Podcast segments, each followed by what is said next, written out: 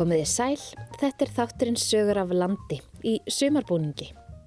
Við rifjum upp sérvaldar sögur síðasta vetrar viðsver af landinu. Og efni í þáttin eru unnið að frétta og dagskragerða fólki starfstöðvarúf viða um land. Í þessum áttunda og síðasta sumarþætti sagna af landi ætlum við að skegnast aðeins aftur í tíman. Við höldum vestur á Ísafjörð því að í tónlistaskóla Ísafjörðar hefur verið sett upp síningum fyrra hlutverk húsins um húsmæraskólan Ósk. Við hittum Albert Eiríksson sem vannað síningunni og fyrrarandi nefnda skólans gerðrúðu Sjarlæsdóttur. Það var þannig að ef einhver misti eitthvað á dúkin, kom blettur dúkin, þá þurfti að borga sekt fyrir og sektin fór eftir stærð blettarins. Og svo var þessu safnað saman í sjóð og haldið grísagili. Ég held að það hefur eins konar ársóti í skólans. Það var ársóti í skólans, ég voru eftir það.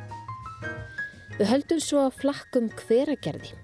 Síðasta vetur hitti Gíja Holmgerstóttir sagfrængin Njörð Sigursson sem segir meðal annars frá hveragerði skáldunum og öðru listafólki sem býr og hefur búið í hveragerði. Húsin eru mert með heitum húsanna og nöfnu skáldan sem þar, þar byggu og, og á átti tímabili sem þau byggu í húsunum. En við byrjum á Ísafjörði. Tónlistaskóli Ísafjörðar er til húsa í virðilegu steinstiftu húsa á Eirin á Ísafjörði. Guðjón Samuelsson teiknaði húsið sem reys 1948 og stendur við hlið sundhallarinnar á Ísafjörði og á móti grunnskólanum á Ísafjörði.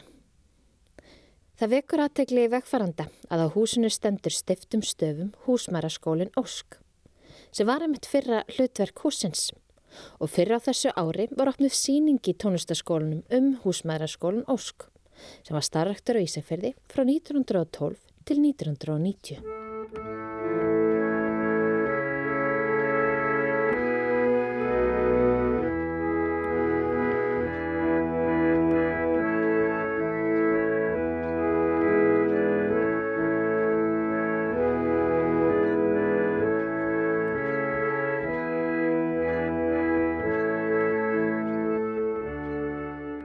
Ég heiti Albert Eiríksson og við erum stödd í tónlistaskólanum á Ísafjörði sem að áður hýsti húsmæraskólan Ósk og húsi var byggt fyrir húsmæraskólan árið 1948.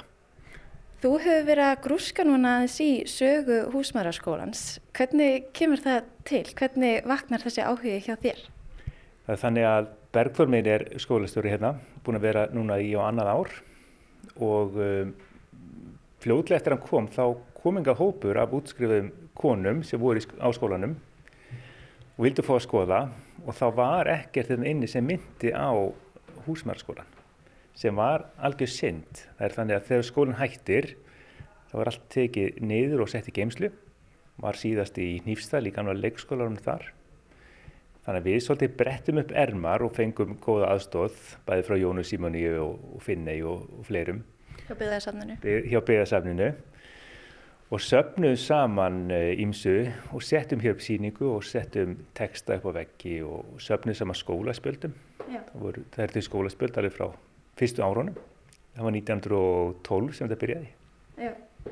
En hvað var það sem fór fram í, í skólanum? Hvað, hvaða saga er þetta?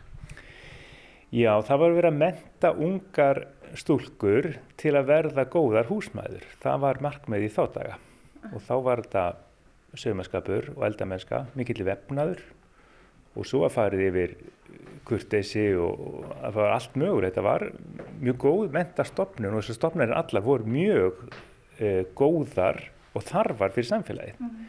En síðan fer að svona hallundar fæti svona, allir sé ekki svona uppur 8-10, ég get ímyndið mér, kannski aðeins fyrr. Og 1990 þá er þetta búið.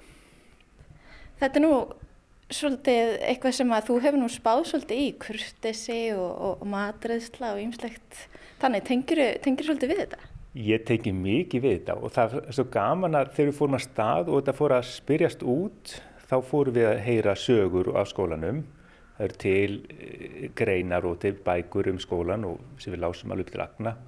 Hittum fólk sem var hér, konur sem voru hér og e, fórum að heyra sögur og það, þetta, er, þetta verið svo skemmtilegu tími það þarf auðvitað að taka það fram að þarna er ekkert sjónvarp e, og fyrst ára með þetta ekkert útvarp, hvað þá internet eða sími eða annað. Þannig að fólk var svolítið, hafði ofana fyrir sér og stelpurnar voru á einhverju tíma kallar vetrarhjálpin þar sem komið hingað í bæinn og strákarnir voru sérst mjög spenntir yfir því sem að, að væri að koma hér föngulegar stúlkur í bæinn og gerðu allt sem þið gátu til þess að komast inn í húsið. Og við erum búin að heyra fjölmarkar sögur þar sem þe- þeir eru að svona laumast inn í húsið að, að kvöldi til og, og nóttunni. Og svo byggu er hér í húsin líka. Það voru byggu hérna uppi og þær voru í þessu litlu herbyggju þá voru þeir oft fjóra saman. En þið hafið leitað liðsinnis hvenna í bænum sem að þekkja þessa sögu og einn er hérna með okkur, Gerþrúður Sjálfsdóttir, kölluð Gei-Gei, flesti þekkjan undir því nafni hér í bænum allavega. Hvernig kom það til að, að þú sóttir nám hér? Já, ég hugsa hann að vera, fyrst og fremst þá var móður mín, hún ítti mér við, við mér. Hún var kvennfélagskóri, kvennfélagin Ós, stofnar nú þennan skóla og held mikið upp á kvennfélagið og, og, og þennan skóla. Og ég hugsa hún hefði nú ekki fyrirgeð mér hefði farið úr bænum í annan skóla. Nei. En mér leiði ákvæmlega vel í þetta og sé ekkert eftir ég hef farið í skólan hér. Þú ert hérna? Ég er frá Ísafjörði, ég er fætt á uppalinn og hef alltaf búið hér. Já. Þannig þetta var bara gaman fyrir mig og, og við vorum náttúrulega lokaðar hér inni, fengum að fara út klukkutíma dag og á laugadögum jú til held ég 12, Já. sunnudögum til hálf 12 og eitt ballef í mánuði. Þannig að útivisti var nú ekki mikil. Á hvaða árum varst þú hér? Og þetta var þá einn vetur eða hvað? Já, ég var árið 51-52 Já. og við vorum hérna 36 námsmegar og það var oft afskaplega skemmtilegt og mikið fjör.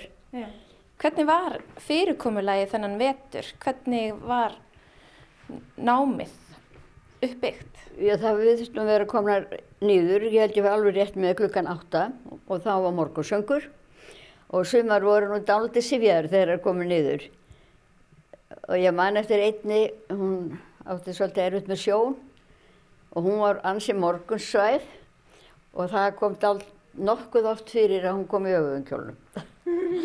en við hjálpum, því, við hjálpum með það, en þetta var nú svona, já, þá var alltaf morgunsöngur og svo byrjaði bara, fengu morguverðin og svo var bara byrjaði starfi, kjenslan. Já. Já, já. Og hvernig, Ég hvað, minnist þess til dæmis að, að þegar maður búin að þurrka af eða skúra gólfin að kennari kom og strögg eftir hvert við hefðum nú gert þetta. Já. En svo þessi var skipt eitthvað yfir Já, vetur. við vorum fjóra mánuði í eldsunu og svo hinn helmingin í handafinu, þar skiptist í sauma og öfnað. Og það var bara mjög gaman líka. Já. Og svo var bóklugur tími, millir fjögur og fimm og, og hérna, og það var nú svona beði bara eftir því að klukkan er því fimm sem við kemstum út. Þannig eina klukkutíma. Þú bjóst hérna í bænum og, og sóttir nám við skólan, en, en hinnar stúlkurnar sem voru hér líka, voru þær þá viðsvegar af landinu? Já, já, þær voru, þær voru flestar á Norðurlandi. Heldur að verið tólf af Norðurlandi. Eyjafyrði, Akureyri og Dalvík. Já, ég heldur að það verið tólf. Og urðu til vináttur sem að vörðu? Já, já, já, já, já, já. En það eru líka margar hortnar, hortnar úr hópnum. Já. Jú, jú, við heldum saman. Svo komum við hérna saman þegar við höfum verið 60 ár í skólanum. Já. En við vorum ekki nema hvað, 6 eða 7. Þá voru sumar sko kannski ekki orðna vel ferða að færa þannig að en þessar sem hafðu mestan áhuga, þær komu og hafðu góða fótavist. En þetta var skemmtilegu tími, en, en nýttist þér það sem þú lærðir? Já, já, já, ég myndi segja það. Já, ég myndi segja það. Hverjir voru áherslunar? Það var náttúrulega fyrst og fremst að fara vel með matinn sinni. Ég gleymi því aldrei, ég var í nummer eitt sem að við vorum settar í númer og, ég lendi nummer eitt fyrsta daginn sem ég átti með elda og mér fannst hann svolítið hlægilegt að ég, já, hún kendi mér að sjóða karteblur. Ég held að ég kynni það nú. Það var það að ég átti að þvo þar vel og, og þvo moldinaði með köldu vatni og þetta var fyrsta sem, fyrsta sem að leysögnu sem ég fekk inn í skólanum. voru líka ákveðna sérfiskur til staðar. Já, þetta var allt mögulegt sem maður þurfti. Svo kom líka ýmislegt upp á hérna. Ungi menn í bænum gáttu einhvern veginn komast inn í skólan sem við veitum aldrei hvernig stóð á því þeir komast inn. En ekki sögður nú okkur frá því. Og þeir gerðu ýmislegt a- af sér hérna sem að allir svona skemmtilega heitum. Eins og hvað?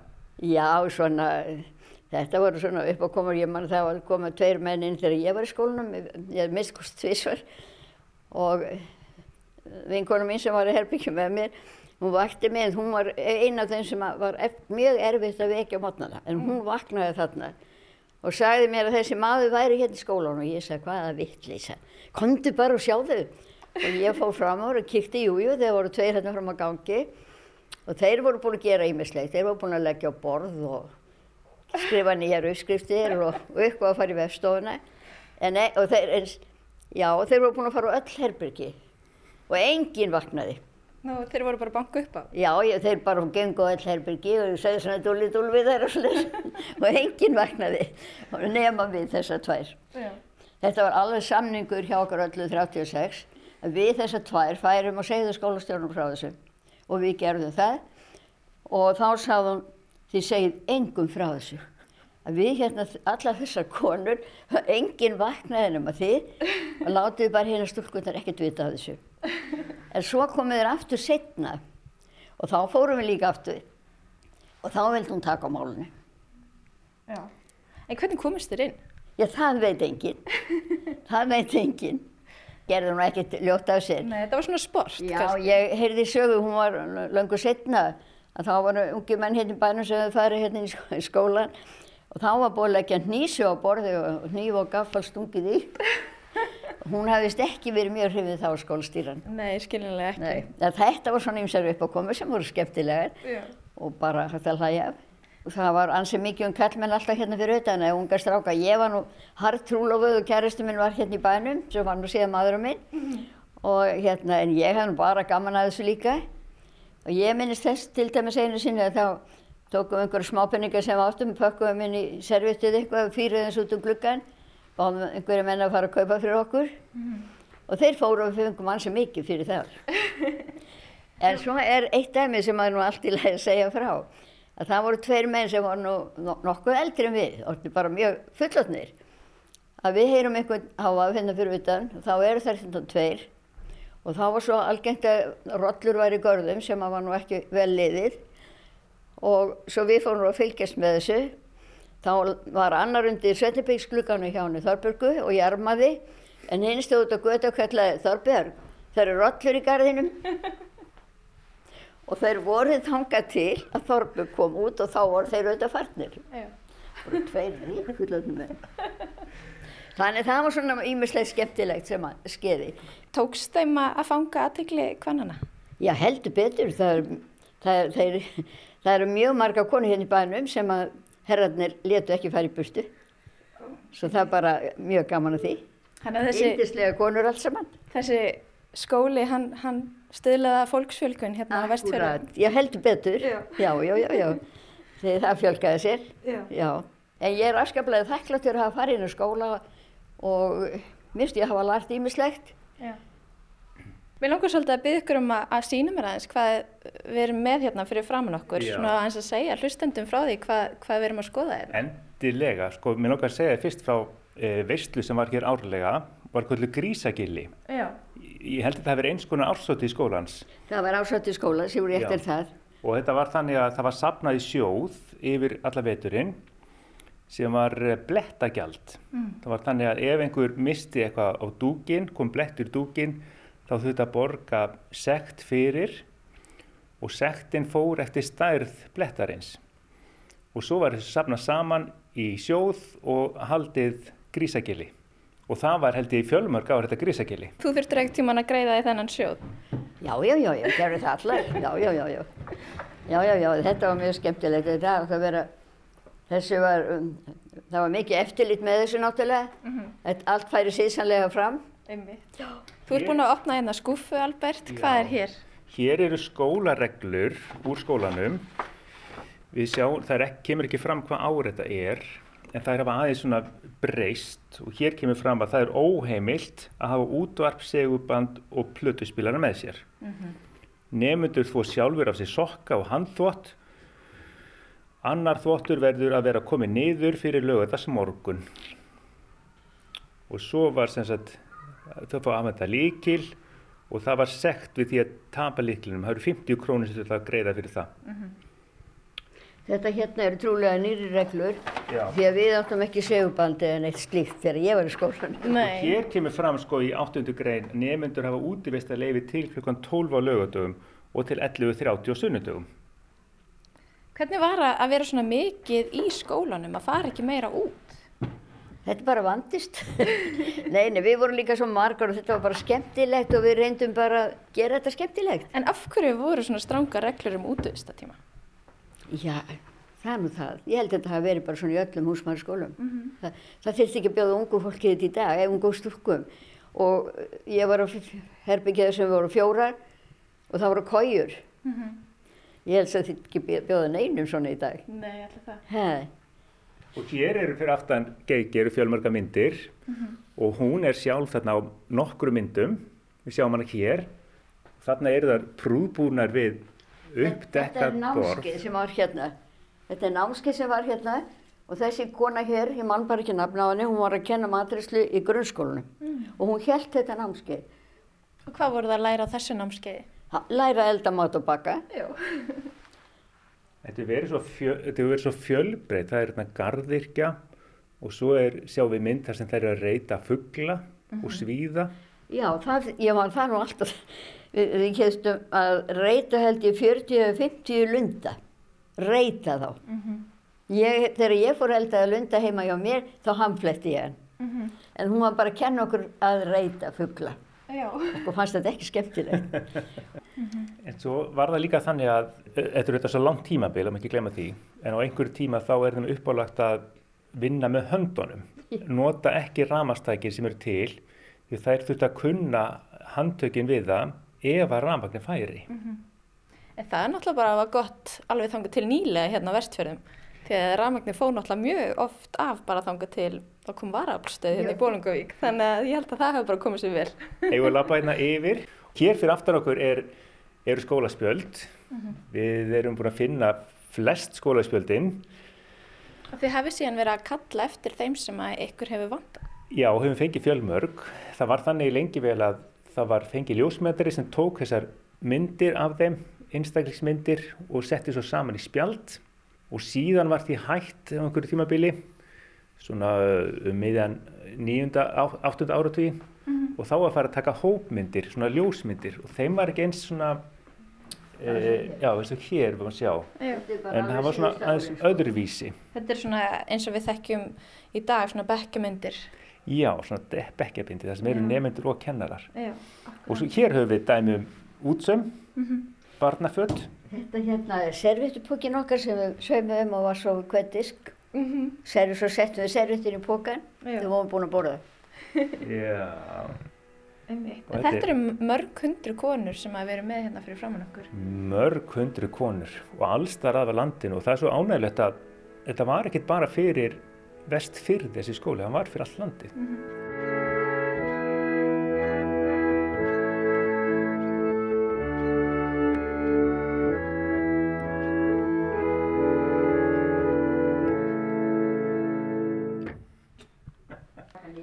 Geikið sagði okkur frá morgunsöngnum, Bergþór, þú ert búin að, að stúdera hann? Já, ég heyrði að það væri óþá náða eiga Jésún sem oftast var tekið mm -hmm. en svo heyrði ég aðra skemmtilega sögu það hafði náðst piltur hérna á ganginum og skólastjórun hendunum út en skótnir eruð eftir og skótnir voru settir ón á orgelið í morgunsvögnum og svo var það látna að syngja við freystingum gæt þín og síðan tók skólastjórun skóna af orgelin og spurði hver á þessa skó. Ætlum að hafa fengið svar? Já, ég held að hafa einn gefið sér fram.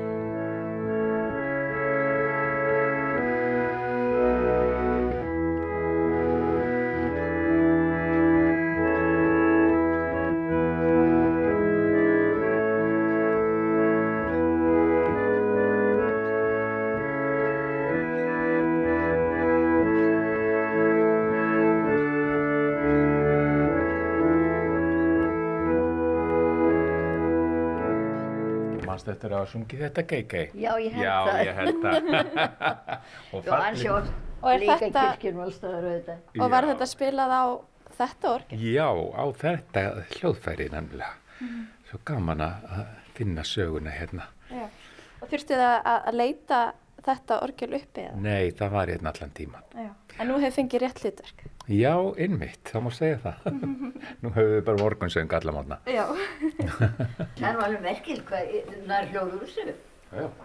Þú ert búin að liggja svolítið yfir þessu og taka þetta saman. Hvað er svona það sem hefur kannski helst vakið aðteklið þín og undrun og, og, og svona forvitni? Í raun hvað þetta var merk mentastofnun, gríðarlega öflugt starf sem fer hér fram og líka sko gleðin sem að var hérna. Af því ungdómurinn er alltaf ungdómur á öllum tímum og finnur sér eitthvað til dundus og gerir eitthvað sem að má ekki gera og allt þetta. Og núna er þessar konur, konur hérna orðnar miðaldra og þá er það svo frjálslegar þá segja það frá öllu. Og það er mjög ánægilegt um daginn heyrðu við að kindarinn, það mætti hér kindari eldsnæma mótnana hann var mjög góður vinur stúlknana því hann hleyfti um stundum inn í húsið það voru kannski einhverstað svona fram eftir nóttu, ég veit ekki hvernig það var Hann laumaði þeim inn. hann laumaði þeim inn, já Nún eru sem sagt veggirnir farnir að tala. Já, með aðstóð GGR og, og, og fleiri, þá, þá, þá heyr við sögurnar. Já. Þetta má aldrei glatast, þetta er svo stór Nei, þetta má merkjuleg. ekki glæðast og þetta var virkilega merk stofnun og húsmaraskóla bara yfir leitt. Og ég, er, er nú að segja það að ég er svo þakklátt þessum, þessum mönnum hér til skólanu sem að hafa tekið þessa rögg að leita þessum munum sem við höfum bara hreinlega ekki vitað um námsmegar og hér er komin sínishorn og merki þess að hér var húsmaraskólin ósk. Já. Í allan annan tíma. Já, í allan þennan tíma og ég vil bara færa þeim alveg innilegar þakkir. Þetta er bara alveg indislegt og ég hvet bara stúlkur sem hafa verið hér í skólanum og verið hér í bænum endilega að koma og skoða þetta. Og, og, og, og njóta þess bara og það reyfjast upp margar minningar. Það er mikið að myndum og ég veit að það er til margt fleira líka sem að kannski á eftir að koma einhver tíman. Þetta var virkilega merk stofnun og húsmaraskóla bara yfir leitt. Og ég endur tök bara þakki mína til Bergþórs og, og Albers að hafa bara stigið þetta skref. Takk fyrir kærlega. Og ég ætla að þakka ykkur fyrir spjallið.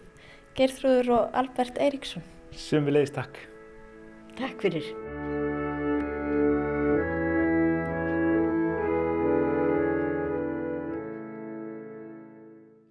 Í tónlistaskóla Ísafjörðar heitum við Geirþrúði Sjarlesdóttur fyrrum nefnda í húsmæraskólanum Ósk og Albert Eiríksson sem hefur sett upp síningu um húsmæraskólan.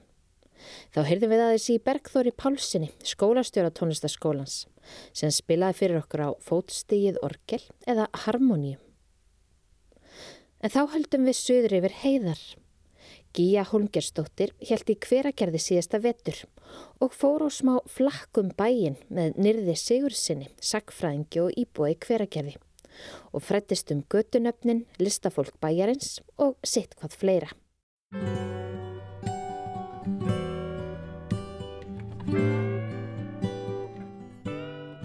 Ég heiti Njörður Sigursson, sagfræðingur og hvergerði við vinnrendur á þjóðskjálasafni Íslands. Við stöndum hérna hjá upplýsingaskildi sem stendur á listamanna hverfið í hveragerði og þú ert með svona e, já, sögu miðlun, fæl með fólk hérna í, í svona, já, svona sögu túra. Já, já, síðustu 15 ára er ég búin að vera að fara með fólk í sögugöngum hvergerði og byrjaði mitt oft hérna í Skaldagötunni þar sem við stöndum núna sem heitir Frumskóar í dag. Þar byggum mörg eh, skáld og rithöfundar og listamenn um miðja síðustu öld og segir svona aðeins frá þeirra sögu og, og vísum og svona sem við fórum með. Já. Ertu ekki til í að fara bara með okkur hlustendur í smá e, túr? Jú, ég skal gera það. Og hvað, hvað er svona fyrsta sem að þú segir gestum þínum? Já, Við erum hérna í Skáldagötunni og hérna byggu margi landstækti listamann um miðja síðustöld, um miðja 20. stöldina og má það nefna Krisman Guðmundsson, Rittöfund og Jónus og Köllum og Kristján frá Djúbalæk, Gunnar Benediktsson og kona hans Valdís Haldósdóttir, rittstjóri, byggu hér líka. Þannig að hérna var svona lítið listamannathorp eða listamann nýlenda og, og auðvitað það sem að listamenn koma saman að, að þar verður alltaf eitthvað skemmtilegt til. Og það eru til marga vísur á milli hvergeri skaldana sem byggu hér í einu napp og líklega er frægast að vísan þegar Krisman Guðmundsson og, og Jónas og Köllum hittust á símstöðin í hveragerði upp úr 1940 og svona uh, til skýringar að þá var Kristmann, hann var mikill kvennamaður. Ég held að Kristmann hafi kvænst alls nýju sinnum en þeir hittust hann á símstöðinni og, og, og þá kastaði Jóhannes þessari vísu á hann Kristmann Líti eitt sem list kann löngum hafa er kistan Kristmann og Kristmann svaraði strax og sagði en engu þó við öllum og þar faru pjöllum í köllum og fyrir þessa vísu hlutu þeir tveir meiri skáldafræðin fyrir nokkuð annars en það hefðu gert, saði Krismann í sinni æfisögu. Það fór sem eldurinn sinni um all land. En það er svolítið gamansamt og skemmtilegt. Já, já, já. Og það, það er mjög áhugavert að þið byggu hérna þessi tveir eh, listamenn eh, á móti hverjum öðrum, Anna lengst til vinstri í pólitíkinu og hinn lengst til hægri. Hvað kom til að listamenn fóru að uh, flytjast hinga til hveragerðis á þessum tíma? Já, það var einhverjum húsnæðiskortur á höfuborgarsvæðinu og, og ég held líka að þess að þetta falla umhverfi hérna í hveragerði hafið þetta laða listamenninga að. Er þetta ekki, er ekki sagan svolítið endur taka sig núna? Jú, ég reyndar hefur alltaf verið að hefur verið uh, hópur af listafólki sem hefur alltaf búið í hveragerði þannig að það er eitthvað svona andi hér í bænu sem að listamenn sækja greinilega í. En núna erum við svona, hérna eru ríthöfundarnir og svona, en það voru nú einhverju fleiri listamenn sem voru hérna á þessu sveiði. Já, listamennin sem fluttu til hvergerst, þeir svona byggu flesti við þrjár göttur sem á, í þorpinu sem var, vestalíð þorpinu sem það var þá. Það var hér, ríthöfundarnir og skáldin voru hér skáldagutinni og svo voru tónskáldin e, í göttunni fyrir ofan sem að heiti Löfskór í dag, bjó Ingun Bjarnadóttir og Átni Björnsson tónskáld átti það sumarhús.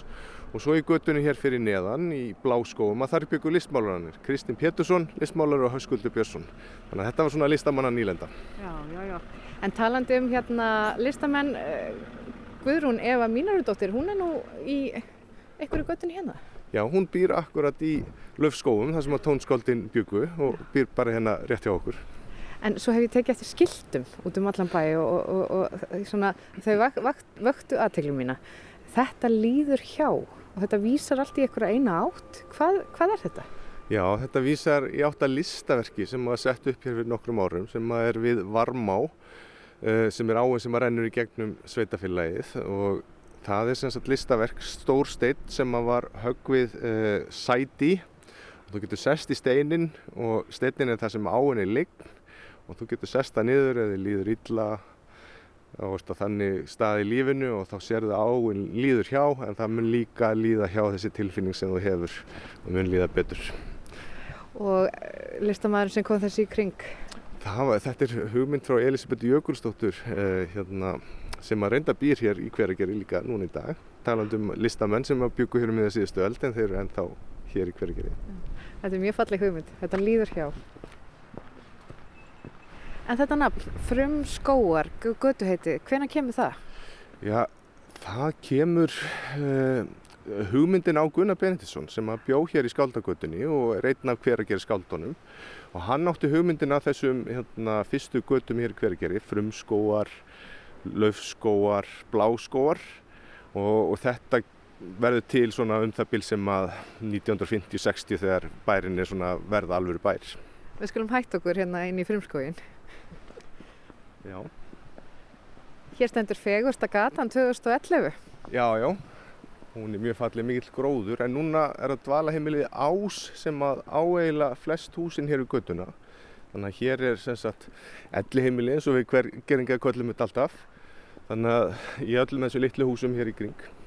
Og þau heita öll eitthvað. Hérna er áshóll, ásgrund. Er það kannski tengt uh, elli heimilinu sem sagt? Já, það, það tengt dvala-heimilinu, það var skýrt húsin uh, eftir með þessu ásnafni en svo þegar við löpum hérna inn í skáldagötuna þá sjáum við húsin þar sem að hveragerði skáldin byggu þau eru mert sem sagt nöfnum skáldana, nöfnum húsana og ákvaða tímabili þeir byggu í húsunum.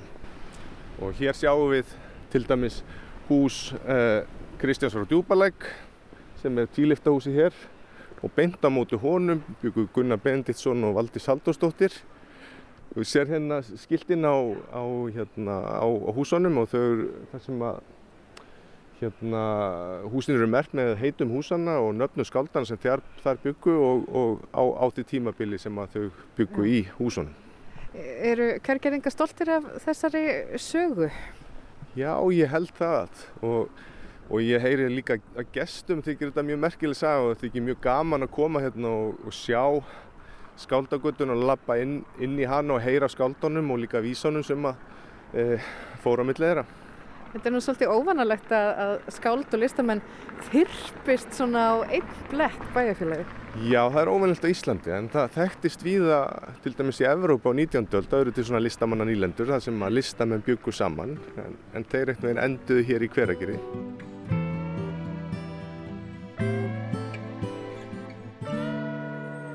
Þegar fyrstu geyslar morgun sólar opna augun blá. Þegar ólmir stormar næturinnar gnauða við minn skjá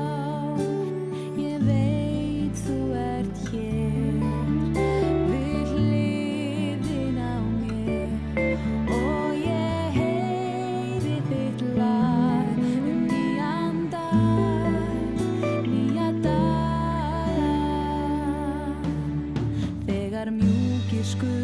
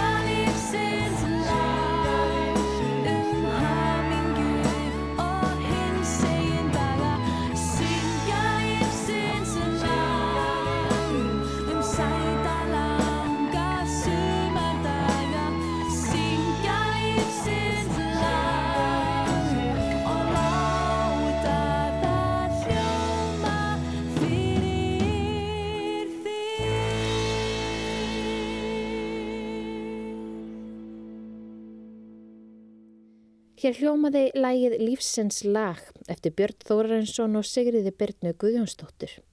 Unnur Byrna Björnsdóttir söng en Unnur Byrna áæmitt heima í hveragerði.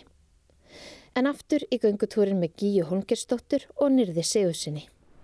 Hvað er næsti áfangastöður?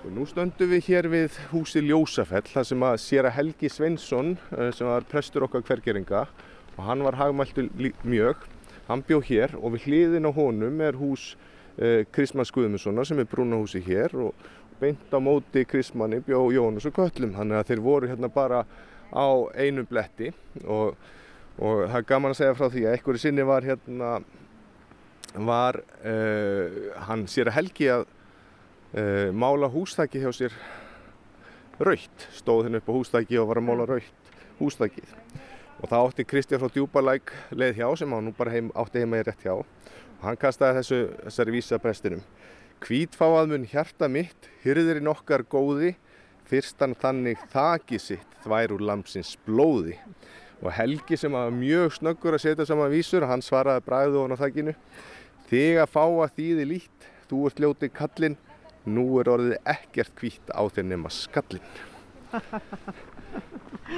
Svona góðlátlega skot alltaf hérna á milli. Já, já, voru það. Og vísuna gáttu líka orðið Það var þannig svona á fyrstu árum byggðar í hveragerði að það var mjög algengt að fjölskyldur ættu saman hýtaveitu. Þá var borhóla sem þau ráku saman til þess að hýta upp húsið og jafnvel elda mat, en þess að menn nýttu líka hverahittan í það. Og það var þannig tilfelli Séra Helga og Gunnars Bendiktssonar og Valdís Halldórs, Halldórsdóttur sem byggur hlið við hlið. Og einhverju sinni var uh, uh, Séra Helgi að tróða að tappa í smápípu í Vastró í hýtaleðslunni. Og þetta sér Valdís Halldórsdóttir, kona Gunnars, og kveðu þá að, að prestinum. Drottins þjóttn á fjórum fótum fyrir utan gluggan minn brosti lítt og ljúfur þagði og lætti tappa í gatiðinn og sér að Helgi var auðvitað snöggur að svara fyrir sig og hann sagði Úr því Gunnar ekki mat, ágætt hæki færi, lætti ég tappa í lítið gat og lét sem ekkit væri, sagði hann. en þeir líka beittu sér í pólitíkinni hvergeri, hvergerskáldin, en þess að þegar uh, Þorpið var til hérna hveragerði upp úr 1930, þá elsta húsið í bænum er frá 1929 og svo upp úr 1940 þá finnst íbúðum hér í hveragerði að hagsmunum þess eh, sé kannski ekki svarað frá sveitinni, frá Ölfusi. Þannig að, þannig að þegar þjættbíli verður til hér þá erum við hluti af Ölfusreppi sem heitir í dag sveitafélag Ölfus. Þannig að upp úr 1940 þá fara Kristmann Guðmundsson og, uh, og og Gunnar Benediktsson og fleiri uh, hvergeringar og, og hluti af hvergerskaldunum beita sér fyrir því að þetta veri sérstætt sveitafélag. Mm. Og það gerir svo 1946 að, að hérna, þjættbíli klífus út úr Ölfusi og við erum ennþá, ennþá þetta í dag erum við sérstætt sveitafélag og sveitafélag Ölfus sérstætt sveitafélag og sveitafélag Ölfus umlikur hveragerið þannig að við erum svona lítil eiga inn í Ölfusi og ég held að hveragerið sé nýju ferrkilometra starð og og sveitafélag Ölfu 740 ferrkilometrar. Þannig að við erum svo litla eiga. Þannig að, en vegna þess er til dæmis engin kirkjugarður í hvergeri. Þannig að þegar við hvergeringa förum yfir móðuna miklu þá þurfum við að sætta okkur við það að láta jarðsetja okkur í Ölfusi. Og kirkjugarður okkar hér á Kotströnd í Ölfusi sem er hérna á milli Selfoss og Hvergeris. En er ekki ágætið sátt um það? Jú, jú, það er fínt að kvíla í Ölfusi örgulega. En um þetta hérna einmitt orti Gunnar Benediktsson skemmtilega vísu þegar sveitafélagi var, orðið, var nýjórið til og, en, en Gunnar Benediktsson sati af fram til fyrstu hreppsnend hvergeris fyrir sósjálistaflokkin og, og hann, það, það, það, það er svona, má finna smá hreppar í vísunni sem er kannski bara svona holdt af vissu marki allavega og þar kemur hann inn á þetta kirkjugarsleysi og vísan er svona. Hér er komin hreppur nýr, hann er sagður kostarýr, þegar lífs við brjótum brýr, bæði segja og skrifa, í öllum hreppnum engin mold, í að greftra látið hold, við neyðumst til að nuttast að lifa. En svo er aftur önnur sveit, einstaklega kostafeit, enga frjóri auga leit, um að tala og skrifa, þar er þessi þykka mold, þar má greftra látið hold, þar eru menn sem þurfum ekki að lifa sem er þá ölfusingarnir. Og hvernig er að búa svona í þessari skáldagötu, í þessum skáldlega umhverfi hérna í hverjargerði? Viss svona romantík í því, getur maður sagt, fallegu staður, já. Þekktur vel til þessara skálda sem að bjöku hérna? Nei, ekki allra. Jóhannes Köllum myndi ég eftir og Kristmann Guðmundsson myndi ég eftir. Guðmundur Daniel. Jú. Og þú býr hérna í þessu skáld, skáldaumhverfi? Ég vísu ekki í þessari götu, nei. Aðeins fjær. En svona rétt hjá, hvernig, Já, já. hvernig finnst þér þessi saga, listamanna saga hveragerðis? Já, mér fannst hún alltaf svolítið skemmtileg, sko. Já. Já, já. Og maður fór að lesa eiginlega bækunar eftir þessu, þessum skáldum, sko. Söguna þeirra. Sérstaklega Guðmund Alias. Ég ólst upp hérna á Sveitabæ, rétt fyrir inn í hveragerði og hérna, ég tekti flest alla sem byggu hérna í þessari götu. Hvernig var andin? skemmtilegu, það voru margir þeirra sem voru að kenna okkur og svo voru bara leikfélagarnir og ég, ég bara, og svo flutti ég hérna og ég er að koma aftur eftir 60 ár. Hvernig er að koma aftur eftir þetta langan tíma? Það þekki maður engan eða kannski öll heimilinu, kirkjugarðinum. Og kirkjugarðurinn, hann er ekki einu sinni hveragerði, heldur er hann í næsta það sveitafélagi? var okkar kirkjugarður og er. Hvernig er að hafa kirkjugarðin svona í öðru sveitafélagi? Er það nokkuð mál? Ég nei, þetta hefur bara verið svona frá því ég mann og kirkjan í hveragerði, hún var ekki komið þegar ég var alast upp, sko. Þannig að þegar þú snýrði aftur hingað eftir 60 ár, hvernig finnst þér hveragerði hafa breyst? Sko, ég get ekki sagt að ég geti neitt um það. Ég fór hérna 15-16 ára, það fór ég í mentaskóla og fór í burtu og hérna, ég var svo lítið hér í storpinu. Ég átti heima hérna í sveitinni. En ég kom hingað persónulegum ástæðum. Ég á tvær dætur og þær giftu sér báðar hingað því önnur í sveitinu og hinn í hveragerði og mér langaði að vera nálægt þeim. Langar að segja þig, ég bjóði fleiri, fleiri ár út í Danmörku og kom eiginlega beint hingað út af því. Og við gerum úttekt á öllum, öllum hérna litlu bæjónum í kringum e, Faxaflóa, pluss Selfoss og, Hveragerði. Og við náttúrulega erum rásett hjón og allt það og ætlum að hugsa okkur til heimferðar aftur. Og þá kom Hveragerði langt fyrir ofan alla. Við gerum almennilega úttekt kvalitatífa úttekt og allt það. Og hérna já, þess vegna er ég hér. Þannig að þú tókst mjög meðvitað ákvörðunum að Ég hveragerði er mjög þið heimilið svo. Mjög svo. Það var alveg hreinu, sko, mér var ekki sama hvert ég færi. Og gott að fá hana.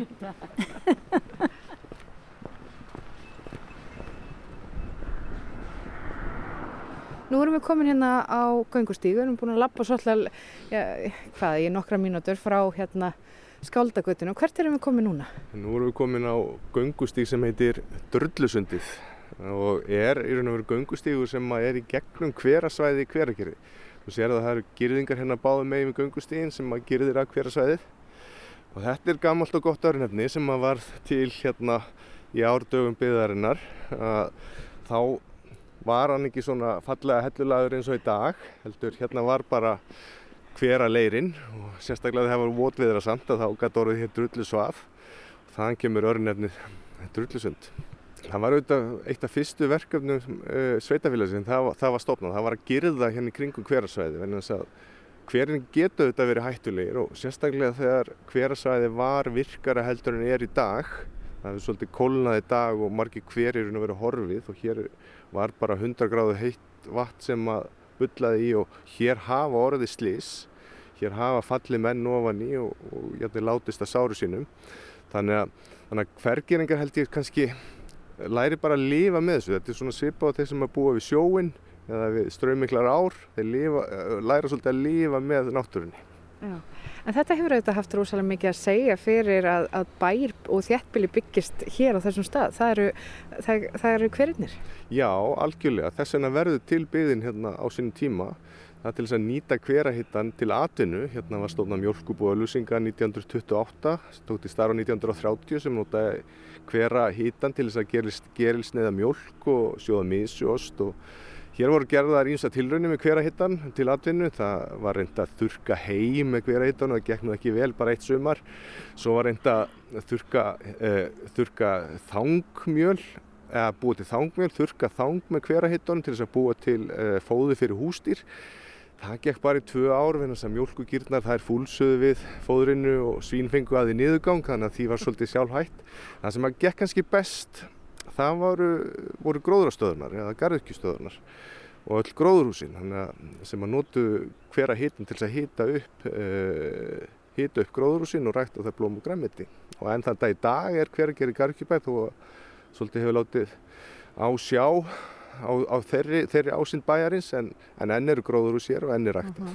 Og það eru blómabúður út um allt. Ég tók að því, ég, ég svona kerði um bæinn, það eru allstaðar litlar svona blómagarðirkju þar sem maður getur komið og keift. Já, já, þetta er auðvitað bara menningin í, í, í bæjarfélaginu og hér þykir gestum að höfuborgarsæðinu mjög gaman að koma, kaupa blóm og, og til skams tíma þá komuðu við í etin og fengu sér ís þar líka. Já, og hittu einn apa.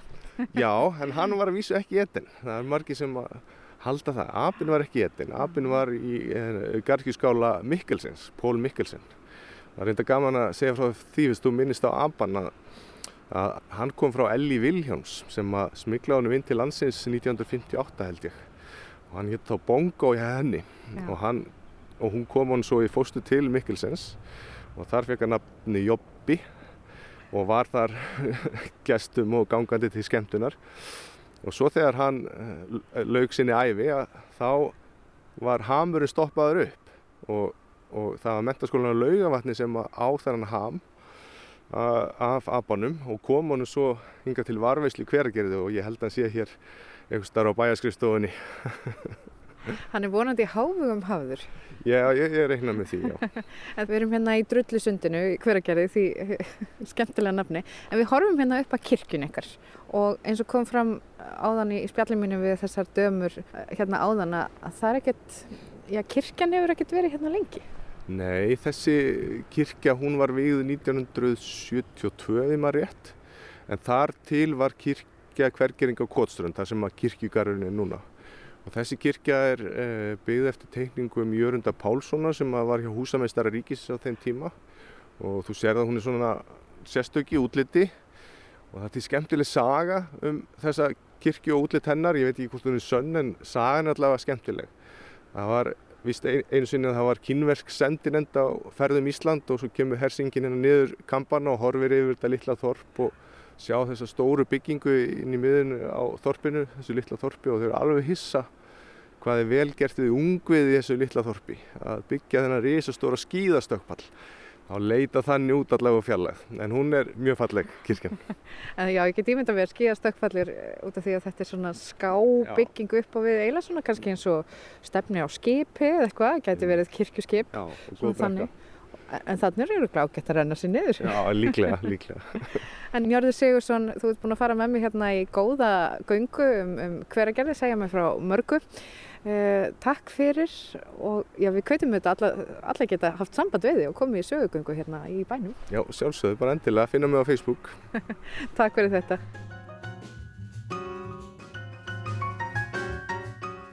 Gíja Holmgersdóttir rætti við Njörð Sigursson, sagfræðing og íbúa í hveragerði. Þá herðum við í nokkrum íbúum á dvalarheimilinu Ási í hveragerði. En þá er ekki aðeins göngutúrnum í hveragerði lokið heldur einnig komið að leiðarlokum hjá okkur í sögum af landi þessa vikuna. Auk þess að fara göngutúr með gíu og nyrði í hveragerði heldum við vestur á Ísafjörð í tilefni af síningum húsmaraskólan Ósk sem var til húsa þar sem nú er tónlistaskólinn á Ísafjörði. Tæknumæð þáttarins var Lydia Gretarsdóttir. Við þökkum þeim sem hlýtu, lifið heil.